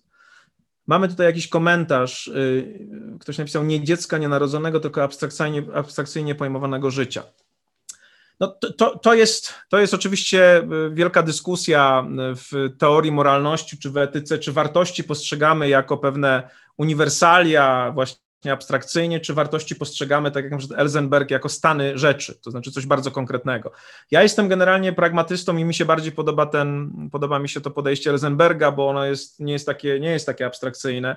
E, wartością jest pewien stan rzeczy, no więc bardzo trudno jest mówić o abstrakcyjnie pojmowanym życiu, chociaż można by było, tylko, tylko o wartościach lepiej jest mówić w konkretnych skutkach, w konkretnych stanach, e, stanach mm, faktycznych abstrakcyjnie pojmowane życie, czy ochrona abstrakcyjnie pojmowanego życia też się realizuje w jakichś konkretnych stanach, bo to jednak konkretny człowiek ma jakieś życie albo, albo go nie ma. Przyjmuję tę uwagę, ona moim zdaniem wynika, nie ma tutaj sprzeczności między nami co do tego, jak, jak do tego podejść. Jest to pewnego rodzaju metodologiczne podejście do rozumienia wartości. Koniec końców wydaje mi się, że ono sprowadza się do tego, do tego samego. Czy suweren zgadza się co do pewnego rodzaju wartości, czy też się nie zgadza. E, I czy proces, który doprowadza do tego, że dane wartości są chronione lub niechronione, jest procesem demokratycznym, czy też nie procesem demokratycznym. Moim zdaniem jednym z przyczyn, dla którego to, się, to co się teraz dzieje, się dzieje, jest to, że pięć lat temu został zachwiany proces normalnego kształtowania e, wartości w prawie przez przejęcie Trybunału i inne tego typu elementy. I obecnie duża część naszego społeczeństwa ma poczucie, że e, nie jest reprezentowana przez te decyzje po prostu e, w żaden, w żaden sposób i dlatego odmawia jej, odmawia jej, jej legitymacji. Także to, to, to, to tylko tytułem, tytułem komentarza do, do tej kwestii. Więc e, podsumujmy na razie te trzy rzeczy, o których, o, których, o których powiedziałem. Czyli powiedzieliśmy dzisiaj sobie o tym, że każda z wizji prawa, którą analizowaliśmy, ma w pewnym sensie swój pomysł na test pochodzenia. Znaczy, jak ocenić, czy konkretna norma, którą ja mam zastosować, jest ważnym elementem systemu, powinna być zastosowana, obowiązuje. Zaczęliśmy od świętego Tomasza, który y, pokazuje nam, y, oczywiście na przykładzie, który może nam się wydawać odległy, ale coś bardzo ważnego, że zależność pomiędzy normami wyższego rzędu i niższego rzędu ma charakter treściowy i funkcjonalny.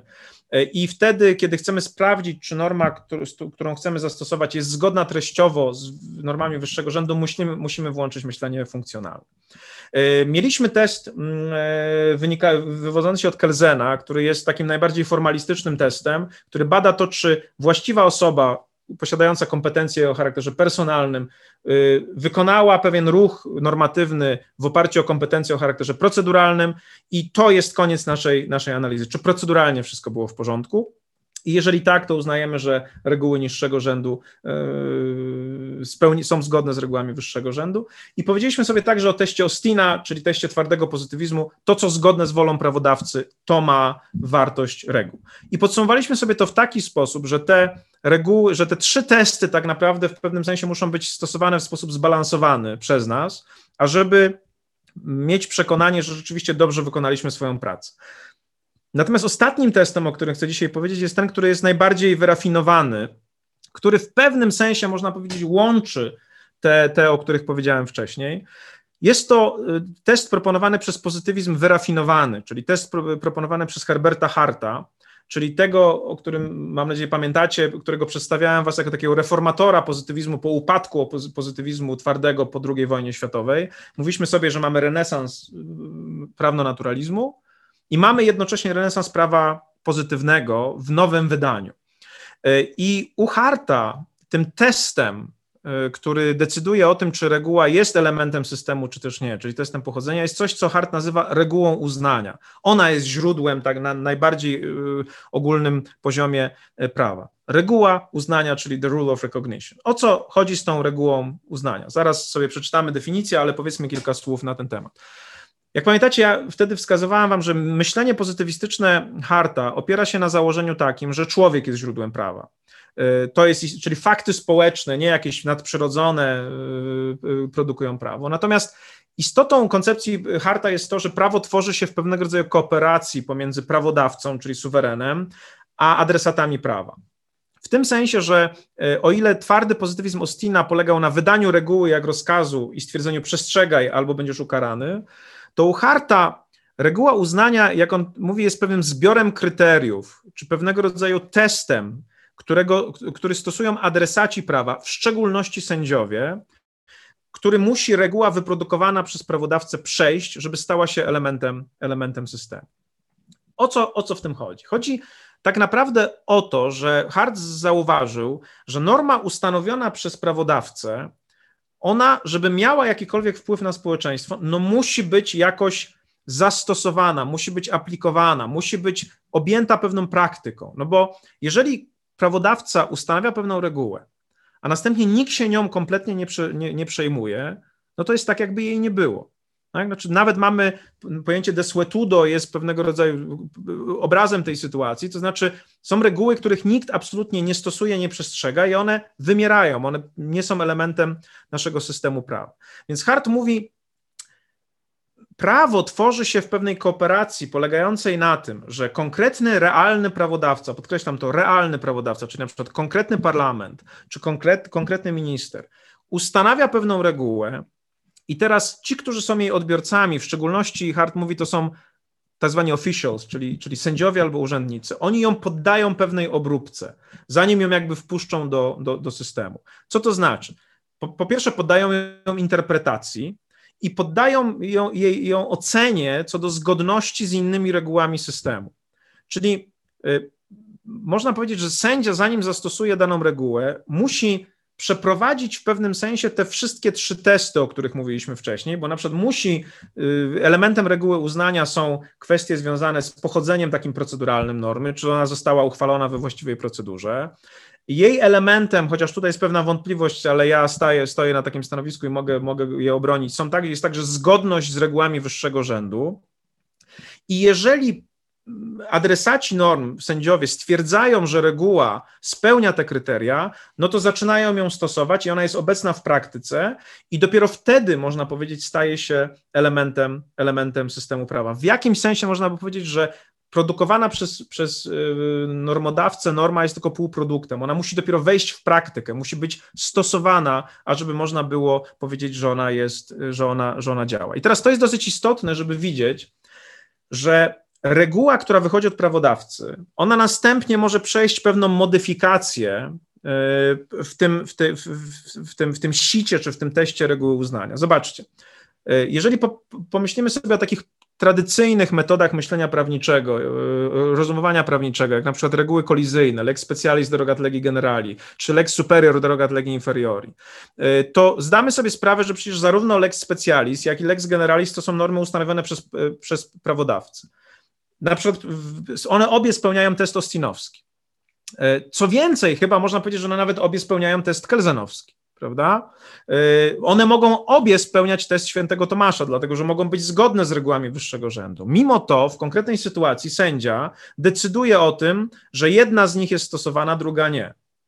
Y, jeżeli przyjmuje się pewne, interpreta, pewną interpre, pewne metody interpretacji, na przykład interpretację wykładnie w zgodzie z konstytucją albo wykładnie proeuropejską, prounijną, no to ponownie y, coś produkuje prawodawca realny, a następnie my jako prawnicy bierzemy to do jakiejś obróbki. Na przykład zastanawiamy się, mówimy, OK, to co powiedział prawodawca można zrozumieć na dwa sposoby, to teraz zastanówmy się, który z tych sposobów jest bardziej zgodny z konstytucją albo który jest bardziej zgodny z prawem unijnym. No i nadajemy takie rozumienie, jakie uważamy jest, wynika ze zgodności z innymi regułami. Może zdarzyć się tak przecież, że wcale to rozumienie nie było objęte wolą prawodawcy. E, mógł on w ogóle mieć nie, nie mieć świadomości, że to, co mówi, jest dwuznaczne. Prawda? Więc widać tutaj w tej koncepcji hartowskiej, tak jak mówię, mocną kooperację pomiędzy tworzącymi prawo i stosującymi prawo. I reguła uznania jest pewnego rodzaju, tak jak mówię, testem, który pomiędzy tymi dwiema grupami e, społecznymi e, działa i on nadaje w całości prawa pewnego rodzaju spójność, jest pewnego rodzaju narzędziem kontroli, ażeby ono rzeczywiście nie utraciło swojego, nie utraciło swojej, tej, tej, tej, tej cechy prawa. Tu, tu, na tym slajdzie jest definicja reguły uznania, którą, którą, posługuje się, którą posługuje się Hart, w którym on mówi, że reguła uznania jest jest pewnego rodzaju regułą, niektórzy mówią praktyką, zaakceptowaną zarówno przez adresatów prywatnych, czyli po prostu nas, zwyczajnych ludzi, jak i officials, czyli sędziów i, i, i urzędników. Y, I ona zawiera pewne takie autorytatywne kryteria, które pozwalają zidentyfikować reguły, które nakładają na nas obowiązki. I one nie, nie ma do końca jasności, Hart też nie do końca, to nie jest wyczerpujący katalog, ale na pewno w skład tych tych kryteriów wchodzą takie kryteria kelzenowskie, na przykład właśnie odwołanie się do tekstu, do tego legislacyjnego ustanowienia, czyli tego, że kto, kto to ustanowił, w jakiej procedurze, ale mogą się pojawiać inne także elementy, na przykład takie jak pewnego rodzaju zwyczaje, które właśnie zwyczajowe reguły, których, które nie są nigdzie z, y, opisane, ale są elementem praktyki, na przykład reguły rozumowania prawniczego, reguły interpretacji prawniczej, wcześniejsze decyzje sędziowskie. E, także w innym miejscu Hart mówi o tym, że można sobie wyobrazić, że reguły wyższego rzędu stanowią element reguły uznania, to znaczy powodują, że my właśnie sprawdzamy zgodność e, reguły niższego rzędu z regułą wyższego rzędu i na przykład dokonajemy pewnej e, modyfikacji. Reguła uznania jest o tyle istotna, że ona, znaczy może tak, ona ma tę wadę, że ona nie jest testem, który jest tak, tak jasny, jak na przykład test ostinowski czy test kelzenowski. I stąd budzi ona, może budzić pewne wasze obawy, no bo tak jest taka trochę nienamacalna. W końcu co, jakie kryteria wchodzą w skład reguły uznania? Chodzi o to, y, że y, ona mimo takiej, takiego wrażenia jest naprawdę najbardziej adekwatnym opisem tego, co się y, dzieje w prawie. Bo myślę, że zgodzicie się i myślę, że na tyle już znacie prawo i sposób jego funkcjonowania, że potraficie dostrzec istotne różnice pomiędzy na przykład tekstem ustawy i pewnego rodzaju wizją, która ona prezentuje, a rzeczywistym, rzeczywistą praktyką jej stosowania. Znaczy, każdy prawnik wie, że jest jakaś różnica, albo przynajmniej może zaistnieć różnica pomiędzy tym, co nazywamy prawem w księgach, czyli law on the books, i prawem w działaniu, czyli law in action. I ona nie wynika z tego, ta różnica. Ta różnica nie wynika z tego, że ktoś dokonał jakiegoś przekrętu i w ogóle zmanipulował manipulował wolę prawodawcy. Ona wynika z tego, że każdy pojedynczy prawodawca, albo może inaczej powiem, żaden pojedynczy prawodawca nie tworzy prawa od początku. Tak? Nie ma nikogo takiego, znaczy tam byli jacyś tacy kandydaci chyba na prezydenta, którzy proponowali, że trzeba wszystko, całe prawo uchylić i uchwalić na nowo. Nikt tak nie robi I, i, słusznie. U Follera y, mamy taką opowieść o królu Reksie, który tak próbował zrobić i to się nie udało z wielu, z wielu powodów. Y, więc każdy prawodawca realny, czyli na przykład, nie wiem, parlament konkretnej kadencji, rząd jako, projekt, jako projektodawca w konkretnej kadencji parlamentu działa w pewnym otoczeniu. Tak? Jest konstytucja, są inne ustawy, jest na przykład prawo unijne i teraz on kontrybuuje do tego porządku, zmieniając jakąś regułę albo uchwalając nową regułę. I teraz oczywiście on może nawet sobie myśleć, że ta jego reguła to jest taka metalowa kulka, którą wkłada do koperty, daje sędziemu i sędzia wyciąga ją i on dokładnie tę kulkę, prawda, dokładnie tej kulki używa. Okazuje się jednak, że to, że to nie jest taka sytuacja, dlatego że do tego sędziego nie mówi tylko ten realny prawodawca tą swoją konkretną, konkretną normą, tylko jednocześnie mówi do niego prawodawca konstytucyjny, uni, e, europejski, ponadnarodowy i, i, i pewna praktyka, którą, którą na przykład interpretacyjna, którą on stosuje. Więc to nie jest sytuacja transmisji jeden do jednego, nie dlatego, że sędziowie tak chcą, tylko dlatego, że prawo jest, jak mówi profesor Łętowska, multicentryczne obecnie. Czy różne nakazy płyną z różnego rodzaju, z, z, z różnego rodzaju poziomów systemu prawa. Pamiętam, że kiedyś było, odbyło się takie spotkanie, kiedyś jeszcze za życia prezydenta Kaczyńskiego, e, odbywały się takie spotkania z ludźmi reprezentującymi poszczególne gałęzie wiedzy. Prezydent spotykał się z socjologami, z psychologami i spotykał się także z prawnikami. Kiedyś było e, takie spotkanie, które akurat było organizowane, e, zazwyczaj te spotkania były w Lucieniu organizowane, to jest taki ośrodek prezydencki poza Warszawą, ale tym razem to było organizowane w Belwederze, bo zdaje się, że tam był chyba wtedy ten kryzys gruziński, ale prezydent przyszedł na to spotkanie i tam było wielu prawników, ja też uczestniczyłem w tym spotkaniu i mieliśmy podyskutować na temat wolności, swobody i dyskrecjonalności sędziów. Czy sędziowie nie mają zbyt dużo swobody w stosowaniu prawa? Prezydent wtedy to, to było bardzo interesujące, wykazał się bardzo, powiedziałbym, dogłębną wiedzą na temat na przykład Harta i Dworkina, miał takie ciekawe, ciekawe słowo wprowadzające, gdzie było wyraźnie widać, że dobrze zna te, te prace. I ja tam wtedy na tym spotkaniu wszedłem w dyskusję z profesorem Morawskim, którego wspomniałem przed chwilą. Y, profesor Morawski był, nie, nie lubił dyskrecjonalności sędziowskiej i generalnie y, Morawski moim zdaniem, gdyby go pewnie móc zapytać, to uznałby, że reguła uznania jest problematyczna, dlatego że ponieważ nie jest jasnym zbiorem kryteriów, y, to daje sędziom zbyt dużą władzę w, ob, w obróbce tych reguł.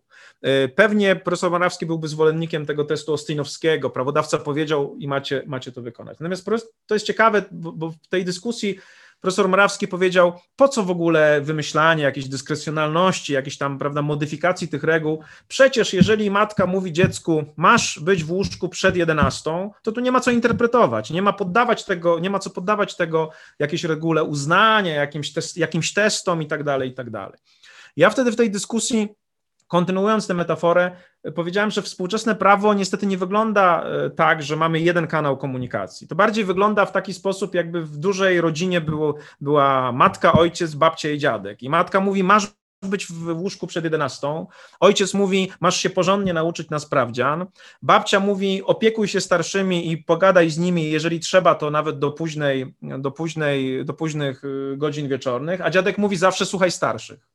Tak? No i ta, tak wygląda trochę współczesne prawo. Ono nie jest pojedynczą regułą daną przez jednego prawodawcę, tylko są reguły wyższego rzędu, bardziej ogólne, reguły niższego rzędu y, i ono, i rola prawnika polega trochę, prawnik jest takim lejkiem, można powiedzieć, przez który wchodzą te reguły, nieraz bardzo złożone i bardzo szerokie, a on musi je skierować na konkretną sytuację i powiedzieć: OK, czy w tej sytuacji ja mam wyizolować regułę aktualnego prawodawcy i w ogóle nie zastanawiać się, czy ona realizuje wartości konstytucyjne, czy też nie, czyli być takim właśnie formalistą, czy też wprost przeciwnie, ja muszę tę regułę obrobić w pewnym sensie interpretacyjnie odniesieniem do konstytucji i ją zinterpretować prokonstytucyjnie. Czy jeżeli prawodawca lokalny tu na miejscu w Polsce proponuje mi indywidualną regułę, nie indywidualną, tylko taką jakby swoją regułę własną, a ja wiem, że ona jest niezgodna z prawem europejskim, czy ja mam ją tak zastosować, czy też nie? W końcu jestem także sędzią europejskim, prawda, jako sędzia.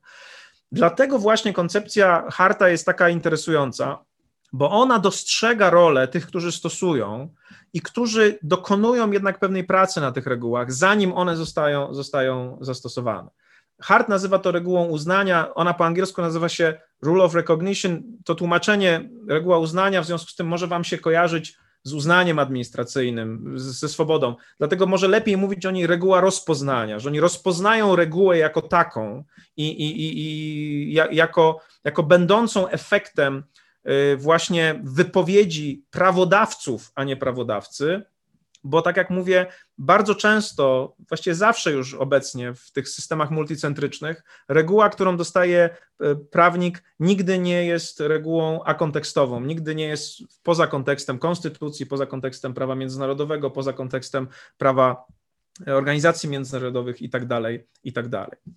Więc pod tym względem reguła uznania jest jakimś takim ukoronowaniem, można powiedzieć, trochę tych wszystkich testów. Jest próbą pokazania, że tak naprawdę myślenie testem świętego Tomasza i testem Kelzena jest niezbędne do tego, żeby zrealizować test Ostina, test suwerena, z tym, że suweren nie jest już XIX-wieczny, czyli nie jest suwerenem państwa narodowego, konkretnie zdefiniowanym, tylko jest suwerenem bardzo złożonym, takim właśnie multicentrycznym. Tak, jeżeli polski suweren konstytucyjny stwierdził, że prawo Unii Europejskiej jest elementem naszego prawa, że prawo międzynarodowe jest elementem naszego prawa, stwierdził, że konstytucja ma być stosowana bezpośrednio.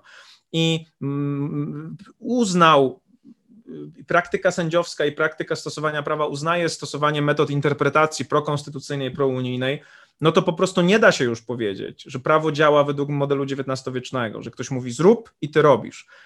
Najpierw musisz zrozumieć, co do ciebie on mówi i wszyscy inni w odniesieniu do konkretnej sytuacji, z którą masz, z którą masz do czynienia. E, I dopiero jak to zrobisz jako sędzia czy jako adresat prawa, to możesz powiedzieć, że w pewnym sensie przetworzyłeś te, te komunikaty, które do ciebie szły, przez test swojego umysłu prawniczego czy sędziowskiego i stworzyłeś regułę, w swoim umyśle złożyłeś je tak naprawdę w regułę, która ma regulować konkretną sytuację. Ta wizja budzi pewien opór. Trzeba jasno sobie powiedzieć. Ja pamiętam, że w jednej z wypowiedzi publicznych ja zacząłem mówić hartem w pewnym momencie, nie mówiąc, że to jest hart, tylko wskazując, że, że współczesne społeczeństwa są oparte na pewnej kooperacji pomiędzy prawodawcą i odbiorcami prawa i w procesie konsultacji, i potem w procesie jego stosowania. No i wtedy mój rozmówca powiedział, pani, ale jak to? No to znaczy, że jak co, jak prawo karne jest stosowane, to ono musi zostać uznane przez przestępców? No nie, nie, nie musi być uznane przez przestępców, ale na przykład konsultuje się zabezpieczenia systemów komputerowych z hakerami, więc na poziomie konsultacji może nieraz warto z kimś, kto wie, jak je złamać, porozmawiać. Ale tu, chodzi o, tu nie chodzi o to, że one mają być uznane, że ktoś daje y, imprimatur, że ktoś y, y, ma prawo odmowy. Tu chodzi tylko o to, że reguła rozpoznania właśnie, może nie uznania, właśnie reguła rozpoznania ma na celu to, żeby z wielości komunikatów żeby je sprowadzić do jakiegoś konkretnego jednego komunikatu, który daje się zastosować do konkretnej sytuacji. A tak już jest, że reguła do zastosowania w konkretnej sytuacji jest efektem często wielu reguł z różnych poziomów prawa się, z różnych poziomów prawa branych i prawnik w procesie interpretacji przed zastosowaniem musi je w, w jakiś sposób ze sobą połączyć i, yy, i pogodzić. Dobrze, proszę Państwa, podsumowując ten dzisiejszy wykład, mówiliśmy dzisiaj o teście pochodzenia. Y, o, o, terminie, który, który do filozofii prawa wprowadził Ronald Dworkin, chociaż o samym Dworkinie nie mówiliśmy, Ronald Dworkin, który chciał zastanowić się nad tym, w jaki sposób sędziowie decydują, że konkretna reguła, którą mają zastosować, jest ważną, obowiązującą regułą. W jaki w ogóle sposób decyduje się o tym, że ona jest ważną regułą. I przeszliśmy sobie przez różne pomysły, jak to robić, rozpoczynając od koncepcji prawno-naturalnej i od świętego Tomasza, który mówi nam, reguła wtedy spełnia test pochodzenia, jeżeli jest regułą prawa ludzkiego, która realizuje prawo naturalne. Natomiast my sobie trochę to unowocześniliśmy i pokazaliśmy, że tak naprawdę to, co w teście świętego Tomasza dla nas jest interesujące, to to, że ta zgodność pomiędzy normami tymi niższego rzędu i wyższego rzędu, normą do zastosowania i normami wyższego rzędu, ona musi mieć charakter treściowo-funkcjonalny a nie semantyczny czy logiczny. I dlatego za każdym razem, kiedy y, badamy taką zgodność, musimy zastanowić się, jakie skutki miałaby wywołać w rzeczywistości norma wyższego rzędu i czy norma niższego rzędu wywołuje takie same skutki, czy przeciwne, czy unicestwia w pewnym sensie funkcjonalnie tę normę wyższego rzędu. Nie ma w ogóle wątpliwości, jak sądzę, że jeżeli y, według Ewangelium Vitae elementem prawa naturalnego jest ochrona życia, a faraon każe zabijać y, dzieci y, płci męskiej dopiero co urodzone, to funkcja ochrony życia na poziomie prawa naturalnego i funkcja reguły faraona są zupełnie rozbieżne, to jest jasne. To jest prosty przypadek. Natomiast w innych przypadkach bardzo często mówiliśmy o kwestii determinacji i o tym, że realizacja normy wyższego rzędu może na różny sposób następować. Na przykład ochronę zdrowia z artykułu 68 można realizować na różne sposoby, nie wiem, bardziej prywatna służba zdrowia, bardziej publiczna, są jeszcze jakieś mieszanki. Pytanie jest takie, czy jest efektywna, czy funkcjonalnie to realizuje. To jest pytanie, które, którego uczy nas święty, święty Tomasz. Potem pokazywaliśmy sobie test kelzenowski. To, że Kelzen jest formalistą w dużej mierze. On mówi, ta reguła do zastosowania jest wtedy ważna, jest wtedy elementem systemu, wtedy spełnia test pochodzenia, kiedy spełnia y, wymogi proceduralno-formalne. Y, treściowe nas nie interesują czy Kelzena tak bardzo nie interesują. Połączenie dwóch testów, testu Kelzena i świętego Tomasza, jest czymś, co robią współczesne sądy konstytucyjne. One badają zgodność nie tylko proceduralnie, formalnie, ale także treściowo i funkcjonalnie. I tak to należy robić. Później powiedzieliśmy o teście Ostina, czyli o teście zgodności z wolą prawodawcy i pokazaliśmy sobie, czy z wolą suwerena, mówiąc szerzej, że on także jest ważnym elementem. Y, to jest wprawdzie stary test XIX-wieczny i on może nam się wydaje, że odchodzi do lamusa, ale jeżeli nasze stosowanie testów Kelzenowskiego i, i testu świętego Tomasza będzie za bardzo odchodziło, nie będzie uwzględniało woli y, prawodawcy, będzie nawet z nią sprzeczne, czy z wolą suwerena, to po jakimś czasie nastąpią pewne tarcia i pęknięcia w całym systemie i spotka nas bunt. Takim przykładem takiego buntu, moim zdaniem, na przykład był bunt y, polskiego społeczeństwa przeciwko reprywatyzacji, gdzie nagle zbyt duże skupienie na formalizmie spowodowało, że zapomniano zarówno o wartościach, jak i o tym, czy to jest zgodne z oczekiwaniami suwerena. I skończyło się spadkiem zaufania do sądów y, i atakiem na sądy co, co jest jakąś lekcją, którą musimy y, odrobić. Więc zbalansowane stosowanie tych wszystkich trzech mm, testów jest y, sensownym pomysłem i w pewnym sensie czwarty test, czyli test y, Harta, reguła uznania, czy reguła rozpoznania, rule of recognition, próbuje je wszystkie uwzględnić. To znaczy próbuje pokazać, że prawo tworzy się w pewnym procesie współpracy, kooperacji między prawodawcą a officials, sędziami, urzędnikami, ale także osobami prywatnymi, które z tego, z tego jednak złożonej komunikacji muszą dla konkretnych sytuacji znaleźć pewne rozwiązanie, w związku z tym poddają obróbce te, ten, ten, ten wkład prawodawczy, czy to inter, obróbce interpretacyjnej, czy usuwając kolizję, czy próbując pogodzić ze sobą reguły.